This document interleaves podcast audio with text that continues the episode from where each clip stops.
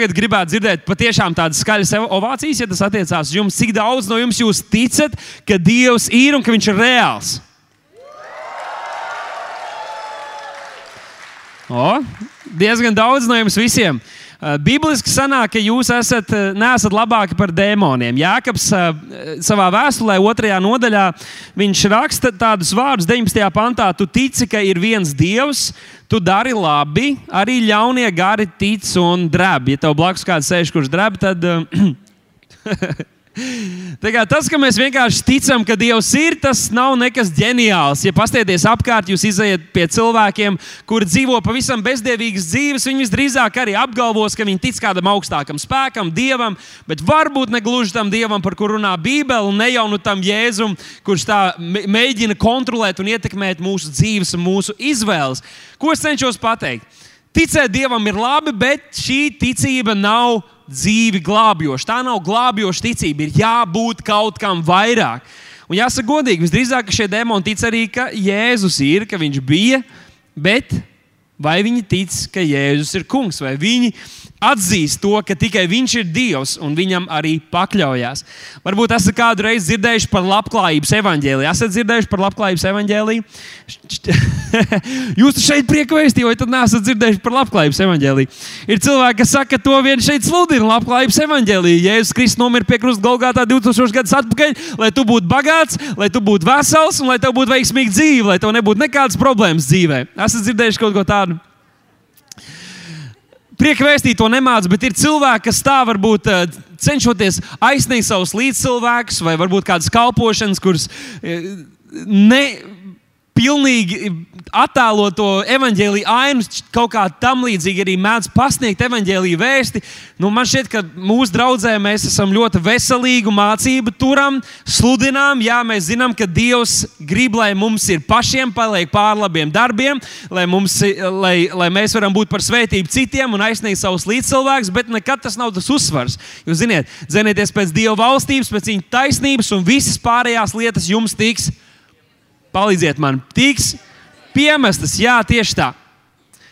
Kad Jēzus aicināja savus mācekļus, droši vien esat lasījuši, viņš piegāja pie tiem zvejniekiem, kuriem bija smags dzīves, un viņš viņiem teica, draugi, sekojiet man, jums ne, nevienu dienu vairs nebūs jāstrādā, es parūpēšos par visu jūsu vajadzībām, jūs varēsiet ēst kā karaļi, visi jums aplaudēs, nekas jums dzīvē netrūks, vienkārši izvēlieties sekot man. Un viņiem bija jāpalaužās savā domās un jāpā, jāizsver, vai tiešām viņi to vēlas. Tad viņi teica, jā, tomēr šī ir diezgan nogurdinoša dzīve. Mēs gribam dzīvot vieglu dzīvi ar tevi, Jēzu. Un viņi sekoja tev, Čau, Edgar. Uh, vai tā bija? Es vienkārši pārbaudīju, jūs esat lasījuši evanģēlijas. Jēzus aicināja savus mācekļus ar pavisam citādākiem vārdiem. Viņš aicināja viņus sakot, tā dzīve, kurai viņš viņus aicina, nebūs tā vieglākā, bet būs tā piepildītākā, būs tā jēgpilnākā, būs tā spēka pilnākā, būs tā dzīve, kurai viņi tika radīti, lai to izdzīvotu. Un, ja gadījumā no, kāds no jums neustvers to, kas šodien tiek sludināts, pēc dievkalpojuma parunājiet ar kādiem no kārtībniekiem, jo viņi šo klausās jau otro reizi. Aplausos mūsu kārtībniekiem, kalpotājiem. Arī jums ir iespēja iesaistīties komandā, ja jūs to vēlaties. Lūkas evanģēlijā Jēzus reiz runāja tādu sprediķi, 14. nodaļā. Viņš runāja tādu sprediķi, kuram varētu virsrakstu uzlikt tādu: Nevari būt māceklis, ja daudzpunktīt. Tu nevari būt Jēzus māceklis, ja Un es jums speciāli nerādu visu šo raksturvietu, jo iespējams kādi, kas jūs nedaudz sensitīvi, jūtīgi pret kādām raksturvietām, kuras runā pretēji jūsu reliģiskajiem iestatījumiem, jūsu smadzenēs, lai jums tas nav jālasa, bet mājās palasiet no 14. nodaļas, 26. līdz 35. pāns. Tur Jēzus runā par vairākām lietām, kuras raksturo tos cilvēkus, kuri nevar būt viņa mācekļi. Un pirms mēs skatāmies, ko nozīmē būt Jēzus māceklim, uh, es gribētu paskatīties šo, šo, šo fragment un tās domas, kuras Jēzus teica. Pirmkārt, Jēzus saka, ja tu neienīsti savu mammu, savu tēti, savu brāli, savu māsu, savu sievu, savus bērnus un pats savu dzīvību, tu nevari būt mans māceklis. Cik daudz grib atsaukties Jēzum šodien? Tur viens stūrī, jā, es ienīstu savu brāli, es būšu māceklis.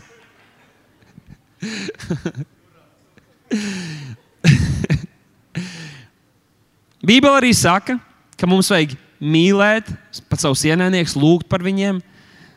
Bībeli saka, ka, ja mēs ienīstam savu brāli, tas tikpat kā ir, ka mēs viņu esam noslapkavojuši. Tātad Jēzus gluži ne to šeit saka. Patiesībā Mateja evanģēlijā Jēzus arī pauž tādu pat domu, bet nedaudz citādāk tas ir pateicis, kur Jēzus saka, ja kāds mīl savus tuvākos, savu brāli, savu māsu, savu mammu, savu tēti, savu sievas māti, vairāk nekā Dievu, vairāk nekā Jēzus, tad viņš nav cienīgs būt par mācekli. Patiesībā ir kādi, kas saka, ka Pēters noliedz Jēzus trīs reizes, tāpēc, ka viņš bija dziedinājis viņa sievas māti. Jūs šodien esat lasījuši par to.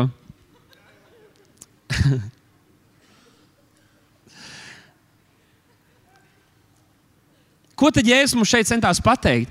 Ne jau, ka mums ir jāienīst mūsu līdzcilvēki. Es jums vairāk kārt esmu uh, stāstījis un dalījies par to, kā es pats atklāju, uz kādu mīlestību es esmu spējīgs. Jo man liekas, ka es esmu diezgan tāds uh, ciets akmens, ciets, cieta klints, kad es dzīvoju Somijā. Man dārgā mamma man rakstīja garas ziņas, ēpastus, kā tev klājas, pastāst, kas tur es atbildēju. Jā, nē, jā, nē, jā, nē. Jā, nē.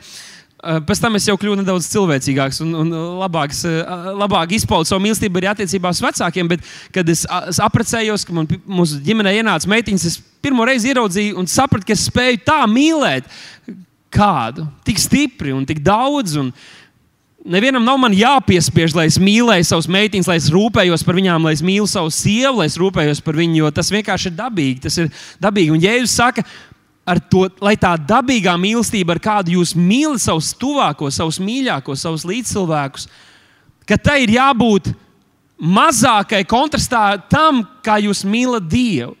Ja jums kādreiz būtu jāizvēlas, vai jūsu sieva, vai jūsu bērnu, vai jūsu tuvinieki jums aplaudēs, vai Dievs aplaudēs, Kristus māceklim nebūtu divreiz jādomā. Viņš saka, nē, es gribu paklausīt Dievam, Dieva vārds ir svarīgāks. Un tas ir tas, ko Jēzus šeit teica. Tad otrais punkts, ko mēs redzam, kad Jēzus saka, ja tu nenes savu krustu un nesako Jēzum, bet mēs taču zinām, ka Jēzus nesa to krustu. Vai ne? Kas mums pa krustu jānes? Jēzus nesa krustu, mēs dzīvojam žēlastībā, bet Jēzus saka saviem mācekļiem, ja tu neaizliedz sevi, nenes savu krustu, nesako man, tu nevari būt mans māceklis. Man liekas, ka Jēzus to ļoti labi ilustrēja Golgāts, Golgātā pie krusta, bet arī ģēdzemanas dārzā, kad viņš lūdza un teica, Tēvs, ne mans prāts, bet tavs prāts, lai notiek. Varbūt tu jau esi pamanījis, ka šajā kristiešu dzīves gājumā nevienmēr ir tā, ka viss, ko Dievs vada tevi darīt, vai Dieva vārds, kā Viņš tevi uzrunā, ka tas ir pirmā, pirmā tā ideja, kā tu būtu rīkojies tajā gadījumā.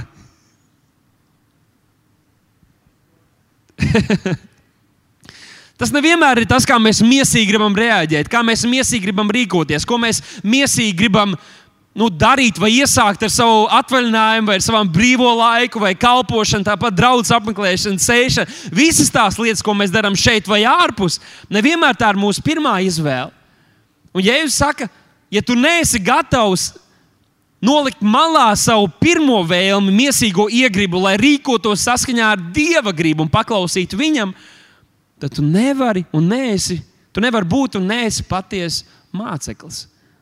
Lai cik skarbi tas neskanētu, jo Jēzus mums to ilustrēja. Viņš teica, ne mans prāts, bet tavs prāts, lai notiek. Es savu prātu, savas vēlmes nolieku maliņā, es mirstu sevi ikdienas, lai paklausītu tev.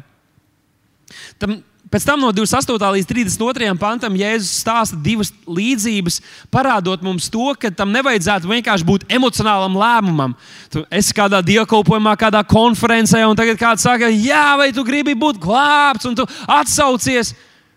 Un tikai pēc tam tu sāc saprast, ko tas tev maksā, ko tas tev prasa. Daudzi ir sapratuši, ka viņi nav tam gatavi vai ka viņi to negribēja, jo viņi ir tā kā nedaudz, nu, jāsaka, varbūt pievilti vai jutušies pievilti no tā, ko viņi ir dzirdējuši. Ir kādi arī mūsu draugi, kas ir atnākuši un cerējuši, labi, es atnākšu draugu mēnesi, es došu desmito, un tad jau man biznesa aizies, un tad man dzīve būs uz augšu. Bet, kad tas uzreiz pēc mēneša vēl nav noticis, tad cilvēki viļās dievā, jo viņi nav izpratuši dievu vārdu. Un šeit, principā, Jēzus saka, ka tam nevajadzētu būt emocionālam lēmumam. Un Jēzus nekad nerunāja ar cilvēkiem vienkārši emocionālā līmenī. Emocijas bija tās, kas bieži cilvēkiem traucēja. Kad Jēzus bija tūkstošiem cilvēku, kas viņam sekoja, viņš sludināja par, par jaunās derības realitātēm viņiem. Bija cilvēki, kas apvainojās, bija cilvēki, kas tika aizvainoti un aizgāja prom un pameta Jēzu. Un saviem mācekļiem viņš teica, jūs arī gribat iet prom. Viņš nerunāja uz emocijām, viņš nerunāja vienkārši uz intelektu un saprātu, ar kuru mūsdienās katrs cilvēks, daudzi tie augstie mūsu sabiedrības locekļi ar to lepojās. Un lielās jēzus runāja uz cilvēku sirdi un būtību. Un tas ir tas, kas šeit draudzē notiek. Arī mēs šeit neticam vienkārši, ka kāds ļoti skaisti var norunāt un pateikt īstos vārdus, lai tagad mēs visi labi justos un mainītos Dieva līdzjūtībā. Tas ir dzīvais Dieva vārds, kas atskan un tikai svētais gars var runāt uz tavu sirdi un likt, lai tas vārds atnes augļus.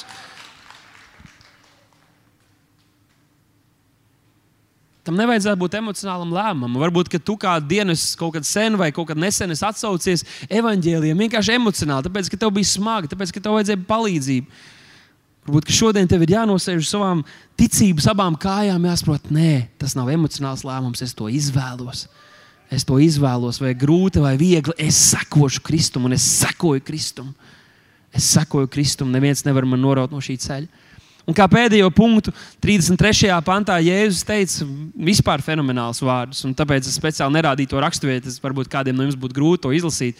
Jo Jēzus to teica. Viņš teica, ja tu neatsakies no visa, kas tev pieder, tu nevari būt mans māceklis.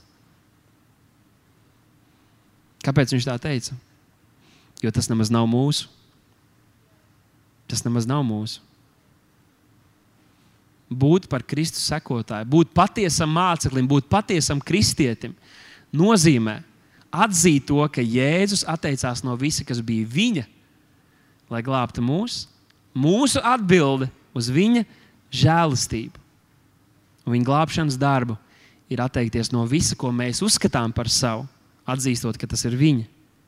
Un tad, kā mācītājs jau šodien teica, 10% arī no savām finansēm mēs atdodam viņam. 90% viņš ļauj mums izdomāt, kā rīkoties, ko darīt ar tiem. Un paldies Dievam par to. Ko es cenšos pateikt? Būt glābtam, pieņemt jēzu par savu kungu, nozīmē iemantot mūžīgo dzīvību.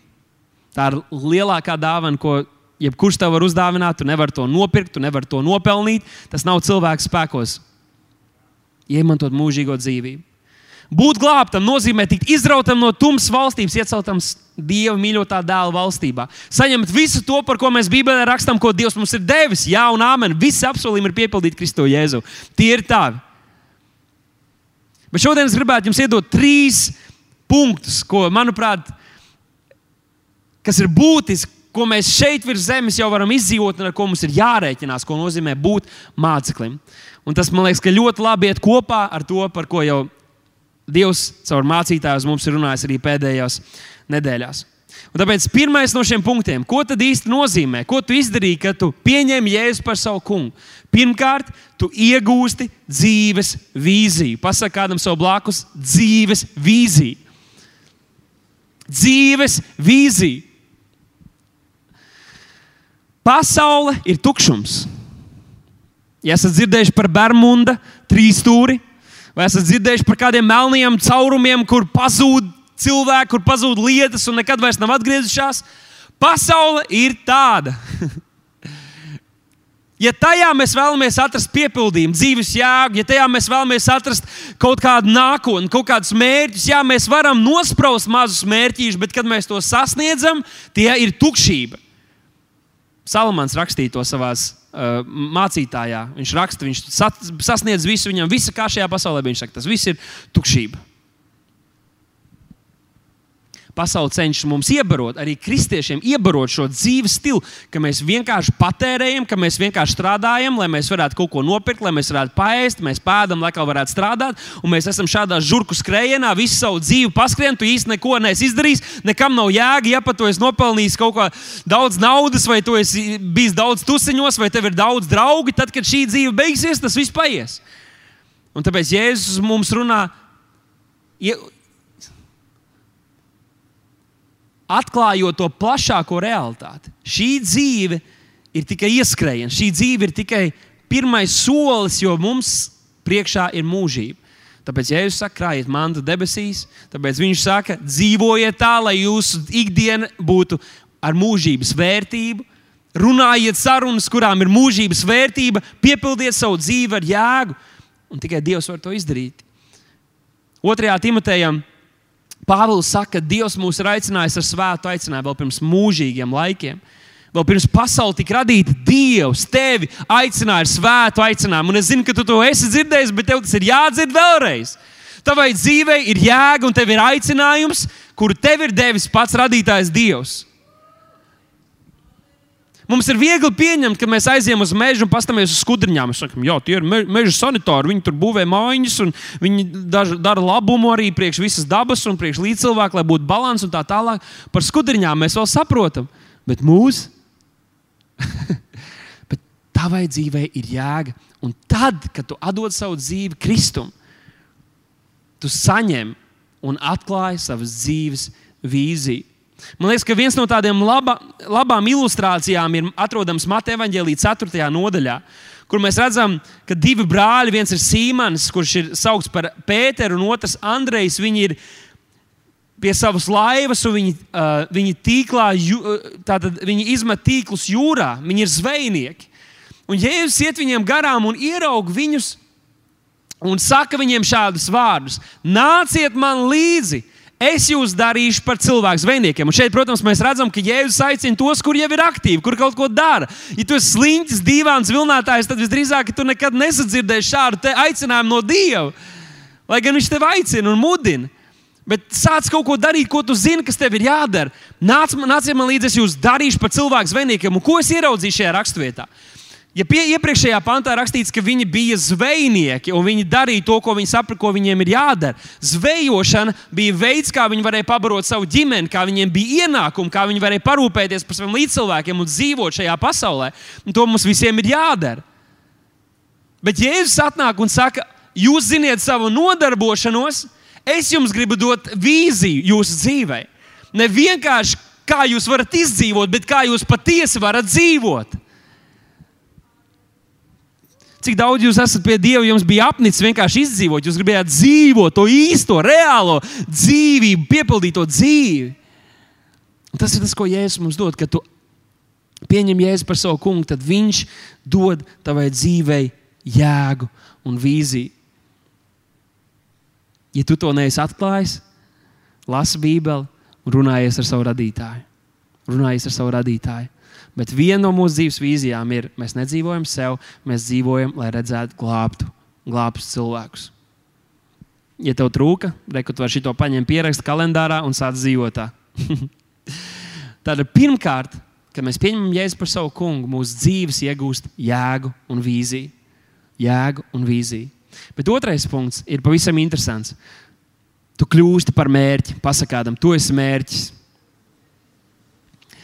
Un šis varbūt nav tāds uzmundrinošākais teksts, ko mēs gribētu dzirdēt. Tomēr mēs atnākam uz draugu, mēs gribam dzirdēt, ka mēs esam svētīti, ka mums būs viss labi, ka labi klāsies. Un tagad es uznāku šeit uz platformas un saku jums šādus vārdus: To es mērķis. Bet ir labā ziņa. Pirmkārt, tu esi Dieva mīlestības objekts, Dieva mīlestības mērķis. Tu esi Dieva mīlestības objekts. Un tas nozīmē, ka Viņš grib atklāties tev. Viņš grib piepildīt tavu dzīvi, viņš grib dot tev mieru, viņš grib dot tev spēku, viņš grib dot tev mērķus, viņš grib dot palīdzēt tavā biznesā, viņš grib palīdzēt tavā ģimenē, viņš grib palīdzēt un vadīt tavas, tavas dzīves gaitas, tavu karjerā, karjerā, lai izdodas. Lai tas, ko tu dari, lai tavu vīziju tiek piepildīta, lai tavu ģimene tiek glābta, lai tavu līdzcilvēki tiek aizsniegti, lai tu spīdi, lai katru vakaru, kad tu ej gulēt, lai tu vari teikt, halleluja, Dievs ir bijis labs, Dievs ir bijis uzticams, Viņš man ir izvedis cauri, es esmu spīdējis, neviens nav spējis aizbāzt man muti, jo Dieva vārds ir manos kaulos kā uguns, un es nespēju klusēt. Dievs grib piepildīt tavu dzīvi. Viņš grib vienkārši dāsni izbērt savu mīlestību pār tevi un visu, kas pieder viņam. Viss, kas pieder viņam, ir tavs, tev ir pieejams. Tas bija viena no lietām, ko vecākais brālis nebija sapratis pazudušā dēla stāstā. Kad viņš atnāca mājā, kad viņš atnāca un redzēja, ka tur notiek svinības, viņš saka, tēvam, tu man neko neesi devis, un tēvs viņam saka, viss, kas ir mans, tas ir bijis tavs, vienkārši baudi. Tu neesi vergs, tu neesi kalps šajā namā, izbaudi to. Efeziešu vēstulītē kāds tulkojums saka šo tekstu. Uh, interpretē tekstu tā, ka tur ir rakstīts, ka Dievs ir sarīkojis savu dēla svinības, kāzas, kāzu svinības, kur viņš dāsni un izšķērdīgi daļā dāvanas visiem, kas piedalās. Tu esi Dieva mīlestības objekts, Dieva mīlestības mērķis, un tev ir jāsaprot to. Tev ir jāzina tas. Ir dzirdēts par laulātajiem, kur kur ir kaut kādās problēmās nonākuši, tad, un viena puse varbūt cenšas kaut ko sakārtot un salabot, tad nu, pat ienāca prātā tādi vārdi, kas ir kaut kur dzirdēti, ka tev ir jāatļauj sevi mīlēt. Arī, arī laulībā tev ir jāatļauj sev justies mīlētam, tikt mīlētam, saņemt mīlestību. Un kādreiz varbūt mēs neprotam to darīt. Mācīsimies. Tu esi Dieva mīlestības mērķis, Dieva mīlestības objekts. Bet otrkārt, tev ir jāsaprot, ka tu esi ienaidnieka mērķis. Tad, kad tu pieņem jēzu par savu kungu, tu esi ienaidnieka mērķis. Ādams un Ieva nezināja, ka ir ienaidnieks. Mēs vecajā derībā daudz vietu lasām, Iepas nezināja, ka pastāv tāds ienaidnieks. Tādēļ daudz vietu tas teksts ir sarežģīti lasāms bez jaunās derības izpratnes, tādēļ, ka tajā laikā tā atklāsme bija kāda vēl bija, progresējuša atklāsme Bībelē. Bet mēs zinām, ka ienaidnieks pastāv, mēs zinām viņa uzbrukuma metodes. Vai varat iedomāties, kad ir kāds cilvēks aiziet uz regbija komandas ģērbtuvi, un viņš uzvelk visu kostīmu, bruņas, formu, uzvelk ķiveri galvā, iziet laukumā un jūtas kā turists. Viņš skatās apkārt, nu, tur skrien, tur kaut kāda skrien, tad bumba lido pārpēkšņi, paskatās, un tur divi nikni džeki ar dusmām sejā skrien, lai viņi nonestu no kājām. Viņi gaida nepatīkams pārsteigums. Tev nav jābūt pārsteigtam. Pasakā kādam sev blakus sēdušam, tev nav jābūt pārsteigtam. Mēs zinām, ka ir ienaidnieks. Jēzus mums par viņu stāstīja, Jēzus mums par viņu brīdināja. Viņš arī mums parādīja, kā to ienaidnieku uzvarēt. Stāv rakstīts, stāv rakstīts, Jānis saka, padodieties Dievam, stājieties pretīm vēlnam, stājieties pretīm ienaidniekam, un viņš bēgs no jums. Bet mēs nevaram dzīvot šajā pasaulē. Iedomājamies, ka mēs esam turisti, jo mēs esam kara laukā. Mēs esam kara laukā. Mēs esam kara laukā. Tev ir jāzina, ka tad, kad tu pieņem jēzu par savu kungu, tu apliecināji, tu kristījies. Vēlns arī zina, ka tas notika. Lai gan mēs kādreiz draudzē, kad aicinām pieņemt jēzus cilvēku, mēs sakām, visi aizveriet acis, ir kaut kāda jauka mūzika, skan. Tas ir tikai starp tevi un Dievu. Bet visi zina, visi zina, ka tu esi kristietis, ka tu esi izmainījies. Tu nevari to noslēpt. Un, ja tu vari, es nezinu, vai tu esi patiesi glābs. Ienaidnieks arī zina. Nē, esi pārsteigts. Bet, ziniet, labā ziņa ir tā, ka 1. pētera 5.8. Tātad rakstīts, esiet skaidrā prātā, esiet modrīgi. Jūsu pretinieks vēlams staigā apkārt. Kā lauva rūkdams un meklē, ko tas varētu aprīt? Ko tas varētu aprīt? Un, ziniet, brīžiem mēs jūtamies stipri, mēs stāvam pretī, bet ir brīži, kad mēs esam ievainojami, kad mēs esam vāji, kad mēs atslābstam. Un tie ir brīži, ko viņš cenšas izmantot. Neatslābsti. Neatslābsti. Paliec kopā ar citiem. Tāpēc ir svarīgi, ka mēs esam mazajās grupās, ka mēs esam draudzē. Jo brīdī, kad tu esi vājš, brīdī, kad tu piedzīvo uzbrukums, brīdī, kad tu ej cauri kaut kādiem pārbaudījumiem, tev blakus būs brāļi un māsas, kur stāvēs par tevi, kur kritīs par tevi un celsies par tevi, kas uzvarēs, uzvarēs, uzvarēs. Draudzene ir tas spēks, kuriem Ēlas vārds nevar stāvēt pretī. Ēlas vārds nozīmē, ka nevis mūsu vārti ir apdraudēti, bet Ēlas vārti ir apdraudēti. Elles vārti ir apdraudēti. Visur, kur ir tums, visur, kur ir ļaunums, visur, kur ir sautīgums, visur, kur ir kaut kādas mīsīgas lietas, bezdievība. Tā ir vide, kas ir apdraudēta, kad mēs tajā dodamies. Tāpēc mēs neesam baili pārņemt saistībā ar covid vai visādām citām lietām, kas notiek sabiedrībā. Mēs neesam baili pārņemt, jo mēs zinām, ka tur, kur mēs ejam, mēs ejam. Dieva valstība ir ar mums, visi eņģeļi mūs atspēko, Dievs, Svētais Gars, Tēvs, Jēzus Kristus. Dievs ir ar mums. Mēs staigājam uzvarā. Mēs ejam Kristus uzvaras gājienā. Un tu esi aicināts tam, un, zini, ja tu būsi vienkārši numerāls kristietis un ik pa laikam apmeklēs dievkalpojums, tad iespējams, ka ienaidniekam pat būs izdevīgi, ka tu tāds esi. Bet tiklīdz tu gribēsi patiesi dzīvot šo kristiešu dzīvi, Būs kāds, kas tev stāvēs pretī, un tev jābūt gatavam, tev jābūt gatavam padzīt viņu. Tev ir jābūt gatavam uzvarēt. Mateja Vāģelijā Jēzus teica, ka pēdējos laikos būs kādi, kas gribēs pievilt, ja iespējams, arī izredzētos. Tas, ka tu esi pateicis jā, Jēzum, 10 gadus atpakaļ, 20 gadus atpakaļ, šos, šodien, Tas nenozīmē, ka tu esi pasargāts. Tev jāsargā savu dvēseli, tev jāpastāv lūgšanā. Ja jūs teicat, lūdziet, tad jūs nekritīsiet kārdināšanās. Lūdziet, lūdziet, lūdziet, lūdziet. Uzturiet savu garīgo cilvēku stipru, lai tas ir formā. Atklāsmes grāmatas 12. nodaļā, 10. pantā rakstīja tādu vārdu, ko es gribētu izlasīt. Lai jūs ieraudziet, ieraugiet, kā tas ir attēlos, tādā atklāsmē par to, kas ir noticis un par to, kas notiek. Atklāsmes grāmatā 12. nodaļā, 10. pantā es lasu, Tad es dzirdēju stipru balsi debesīs, saucam, un tā kā tur rakstīts stipra balss, un man dažreiz arī sanāk stipri, tad es mēģināšu izlasīt tā, kā viņš to dzirdēja. Un ļauj, varbūt, lai šie vārdi šodien uzrunā tevi. Labi? Viņš dzirdēja. Tagad ir atnākusi pestīšana, un mūsu Dieva spēks un valstība un viņa Kristus vāra, jo ir gāsts mūsu brāļu apsūdzētājs, kas tos apsūdzēja mūsu Dieva priekšā dienām un naktīm. Viņi to uzvarējuši ar tā jēra asinīm un ar savas liecības vārdu, un nav savu dzīvību mīlējuši līdz nāvei. Tādēļ priecājieties, debesis un kas tur mājo, vai zemē un jūrai, jo vēlns nonāca pie jums lielās dusmās, zinādams, ka tam maz laika ir atlicis. Uzvara!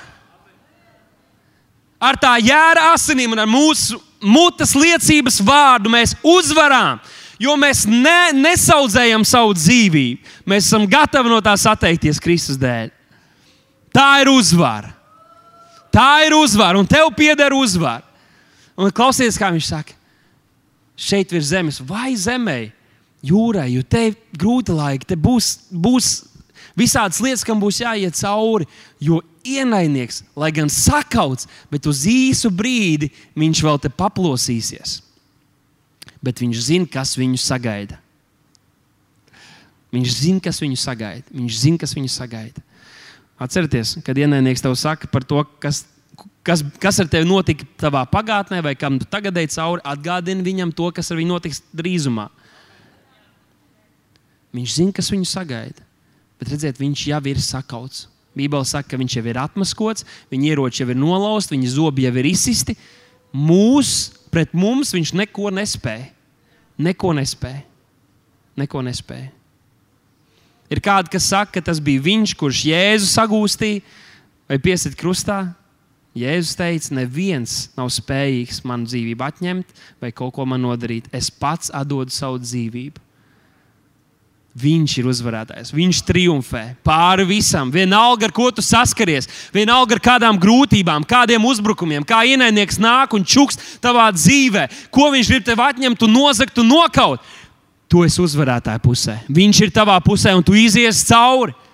Tu izies cauri, pastāv ticībā, turpini skriet savu, savu skrējienu, un tu uzvarēsi. Tu uzvarēsi. Tad otrkārt, tev jāzina, ka tu esi mērķis. Lai viņš tevi nepārsteidz, pārsteidz tu viņu.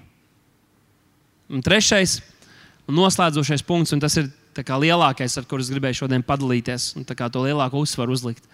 Un tas ir, ka tad, kad mēs pieņemam Jēzu Kristu par savu kungu, mēs iemantojam bērna sirdi, un bērna statusu un kalpa sirdi. Bērna statusu un kalpa sirdi. Varbūt jums kādreiz ir nācies saskārt, saskarties ar, ar kādiem cilvēkiem, kuriem uzauguši varbūt ļoti turīgās ģimenēs, varbūt kāda slavenība ģimenēs, vai vienkārši ģimenēs, kur nu, pilnīgi visu ļoti vienkārši viņi varēja dabūt, un varbūt īpaši ne, netika audzināti, tad viņi atstāja tādu iedomīgu priekšstatu par sevi. Varbūt tā. Bet tas nav tas veids, kā Dievs grib, lai mēs dzīvojam šajā pasaulē. Lepnība, augstprātība, ka mēs uzskatām, ka mums pienāks kaut kas. Tāpēc, ja jūs sakat, ka jūs atnāciet uz kaut kādām no, nozīmīgām reizēm, ne jau dievkalpojumam, dievkalpojumam visiem vajadzētu priekšsēsties, bet nu, kaut kādās kāzās, uz koncertiem, tad sēdieties aizmugurē, lai ja, lai jūs labāk paicinu uz priekšu, parādiet pazemību. Mazgājiet cit citam kājas, dariet tam līdzīgas lietas, ja es saku. Lai mums tā, lai, lai mēs parādām šo kalpu sirdi, pazemību savā, savā ikdienā.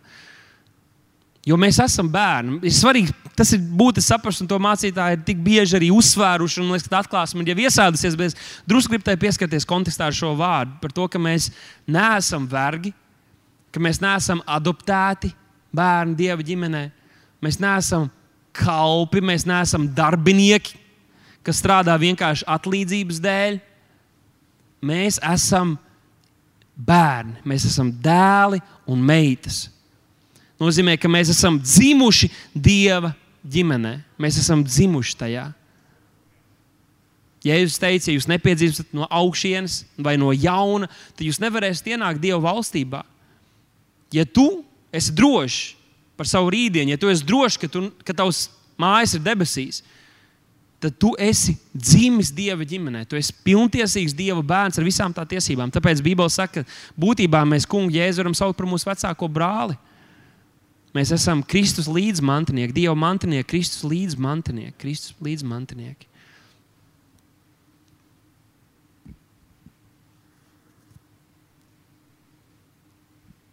Kalpu sirds, kalpu sirds, Dieva bērni. Dieva bērns nozīmē, ka viss, kas ir Kristum, tas pieder mums. Viss, ko Kristus mums ir sagādājis, mēs to varam saņemt. Mums nav jāizlūdzas, mums nav jānopelna. Mēs vienkārši palūdzam. Tā kā bērns var palūgt savam vecākiem maizīti, tēvs nedod akmeni, nedod odzi, nedod, neuzsūta lauvu, neuzsūta kaut kādas ciešanas, ja, bērns, ja bērnam burkšs vēders, viņš ir bēst. Droši vien, ka vecāki iedod ēdienu. Tāpat arī mēs dzīvojam šeit, virs zemes, bet mēs dzīvojam citā realitātē patiesībā, un Tēvs ir tas, kas gādā par mums. Tēvs ir tas, kas gādā par tevi. Tev jāzina, tas Tēvs ir tas, kas gādā par tevi. Viņš gādā par tevi. Viņš gādā par tevi. Uzticies viņam, viņš gādā par tevi. Viņš gādā par tevi. Tu neesi viens. Viņš gādā par mums. Viss, kā mums būs un pietiks. Bet ar kalpu sirdīm dzīvot šajā pasaulē. Un es zinu, ka tā mums, mums draudzēji prieka vēsts nav sveša tēma. Pastieties, kād, kad ir kāda vajadzība, kad ir kādas iespējas parādās, kur kalpot. Mums cilvēki rindā stāv, lai varētu to izmantot. Tas ir brīnišķīgi bet kalpa sirds vienam pret otru. Bībeli saka, lai mēs uzskatām citus augstākus par mums pašiem. Jēzus teica, ka viņš atnāca šeit virs zemes ne jau lai viņam kalpot, bet lai viņš kalpot un dod savu dzīvību par citiem. Tad viņš aicināja savus mācekļus dzīvot tieši tāpat. Tieši tāpat un viņš teica, ka kalpam pietiek ar to, ja viņš kļūs kā viņa kungs vai māceklim, kā viņa meistars. Mums nevajag tiekties pār tam. Jēzus ir mūsu, mūsu pats, pats galamērķis ja tu vari kalpot tā, kā viņš spēja kalpot, ja es teicu, kurš būtu vislielākais valstībā, lai ir visu kalps, tas ir radikāli, tas ir tik radikāli, tas ir tik atšķirīgi no tā, kā šī pasaule mūs baro? Pasaule mums baro ar pilnīgi kaut ko citu. Un, ja es saku, tas ir citu garu, līdzīgi kā kad māsa gribēja nor, no, nosaukt uguni no debesīm, vai Pēters grib nocirst galvas, ja es pretiniekam, ja es saku, nē, nē, nē tas nav mūsu, tas ne ar tādu garu mēs nākam. Viņi ir kā vilki, mēs esam kā jēri, kas iet uz nokaušanu. Mēs ar pazemību, ar, ar, ar lēnprātību, ar mīlestību mēs ejam un iekarojam un, un glābjam un, un izcīnām. Kalpu, kalpu sirds, kalpu sirds kalpot viens otram, kalpot tiem, kur mēs redzam, ka ir vajadzība, kalpot dievam, kalpot draudzē. Kalp, kalpu sirds. Man liekas, ka tas ir tik, tik liels vārds. Man liekas, ka mēs diezgan viegli pieņemam to, ka mēs esam mīlēti, bet kalpot kādreiz, kādreiz tas ir izaicinājums. Arī savā ģimenē justies un iet ar tādu, tādu attieksmi, kas ej kalpot saviem bērniem, saviem vīram, vai sievai, savā darba vietā.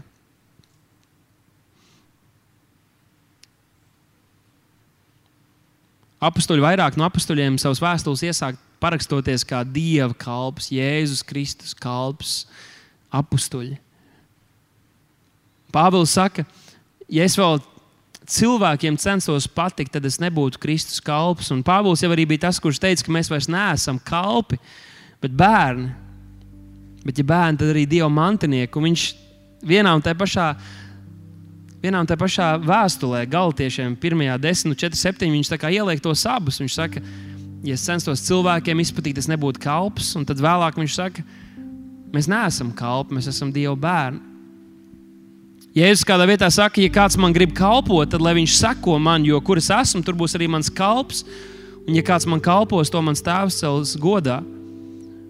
Un turpat trīs nodaļas vēlāk, Jēzus saka, es jūs vairs nesaucu par kalpiem, jo kalps nesaprot, ko viņa kungs dara. Bet es jūs esmu saucis par draugiem, bērni, draugi, kalpi.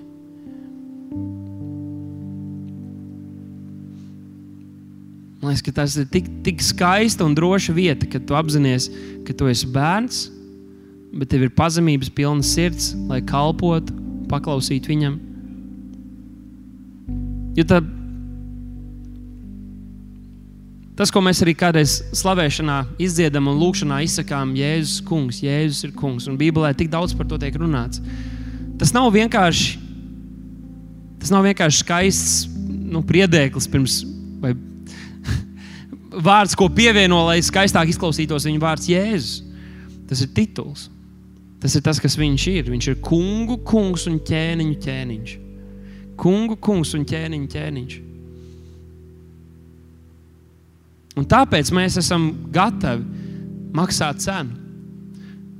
Jo viņš ir kungs, mūsu dzīves kungs, kam mēs esam devuši savas dzīves. Visu sevi, visu, kas mēs esam. Viņš ir kungs, viņš ir kungs, tu esi kungs. Un tā ir tik tāda pazemība, rosoša, raisoša doma, ka gan par to domājam, gan par to dziedam. Tāpēc tas, ka mēs sanākam šeit kopā un mēs izdziedam šīs slavas dziesmas, kuras ļoti reti ir par mums pašiem. Viņas bieži ir, ka mēs apliecinām Dievu vārdu mēs atzīstam to, kas Viņš ir. Tas palīdz mums nepārtraukti arī saglabāt šo mūsu sirds stāvokli Dievu priekšā. Dievs, mēs esam tavi bērni, tāpat laikā mēs gribam kalpot no sirds paklausīt Tev. Paklausīt Tev, Dievs.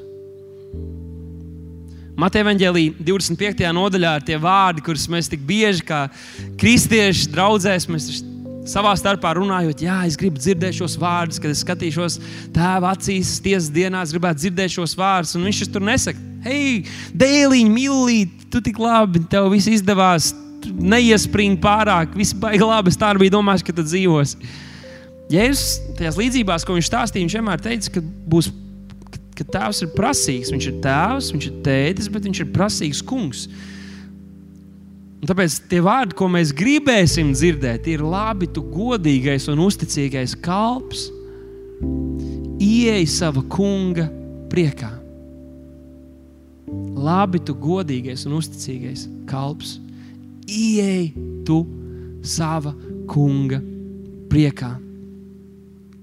Atklāsmes grāmatā mēs redzam, ka apstults Jānis viņš, viņam parādās vīzija, viņš redz eņģeli. Un iespējams, ka pirms tam vienīgā tā dievišķīgā persona, ko viņš bija redzējis, bija Jēzus, bet cilvēka miesā. Un tagad pēkšņi parādās šī būtne. Iespējams, ka viņi izskatījās kā ne no šīs pasaules. Un, Un viņam instinktīvi viņš grib mesties uz ceļiem un to pielūgt. Tad šis eņģēlis viņam saka, apostolim Jānim, viņš saka, ne vienkārši, hei, tu taču esi Dieva ģimenē, hei, uztaisam selfiju, brāļi, māsas.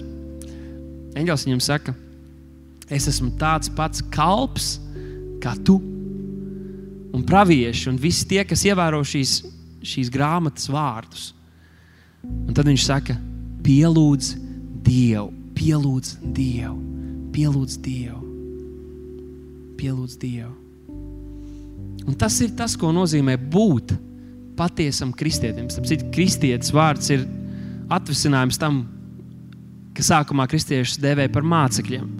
Tas sākumā bija lamu vārds, un mēs tagad esam pieņēmuši šo vārdu. Mēs sakām, jā, mēs esam kristieši. Sākumā lamāja kristieši. Tā. Tie ir tie kristum līdzīgie, tie kristus sekta, sekta, tā kristus sekta. Mēs esam kristieši. Bet būt patiesam kristietim nozīmē būt gatavam pateikt nē kādām attiecībām. Jēzus teica, nav neviens, kurš šeit virs zemes pazaudēs māju, pazaudēs radiniekus, pazaudēs kādas attiecības, kas tās neatgūs jau šeit virs zemes, bet mūžīgo dzīvību pēc tam. Un es zinu, ka jūs esat teikuši, Jā, Jēzus, un es gribētu, lai mēs vienkārši vēl brīdi būtu lūkšanā saistībā ar šo vārdu Jo es ticu, ka tas, ko Dievs pēdējās nedēļās uz mums ir, mūsu sirdīs ir darījis, ka tas ir kaut kas radikāls un pamatīgs un tāds gruntīgs. Arī pagājušo svētdienu mums piemīt autoritāte, tam dēļ, ka mēs esam zem viņa autoritātes. Un ir labi ik pa laikam pārskatīt un pārdomāt, ko tad es īsti izdarīju un ko tā derība starp mani un Dievu patiesībā nozīmē. Pat laulātēm ik pa laikam ir, ir labi aiziet uz kādiem kursiem un uzzināt un atcerēties, kad es tev teicu, jā, es varbūt to nesapratu, bet tagad es zinu, ka laulība ir kaut kas daudz lielāks un pamatīgāks par visu to, ko es jūtu vai to brīdi sapratu. Es ticu, ka Dievs arī aicina mūs tādai jaunam māceklības svaidījumam. 3M. Jūs varat piecelties kājās. 3M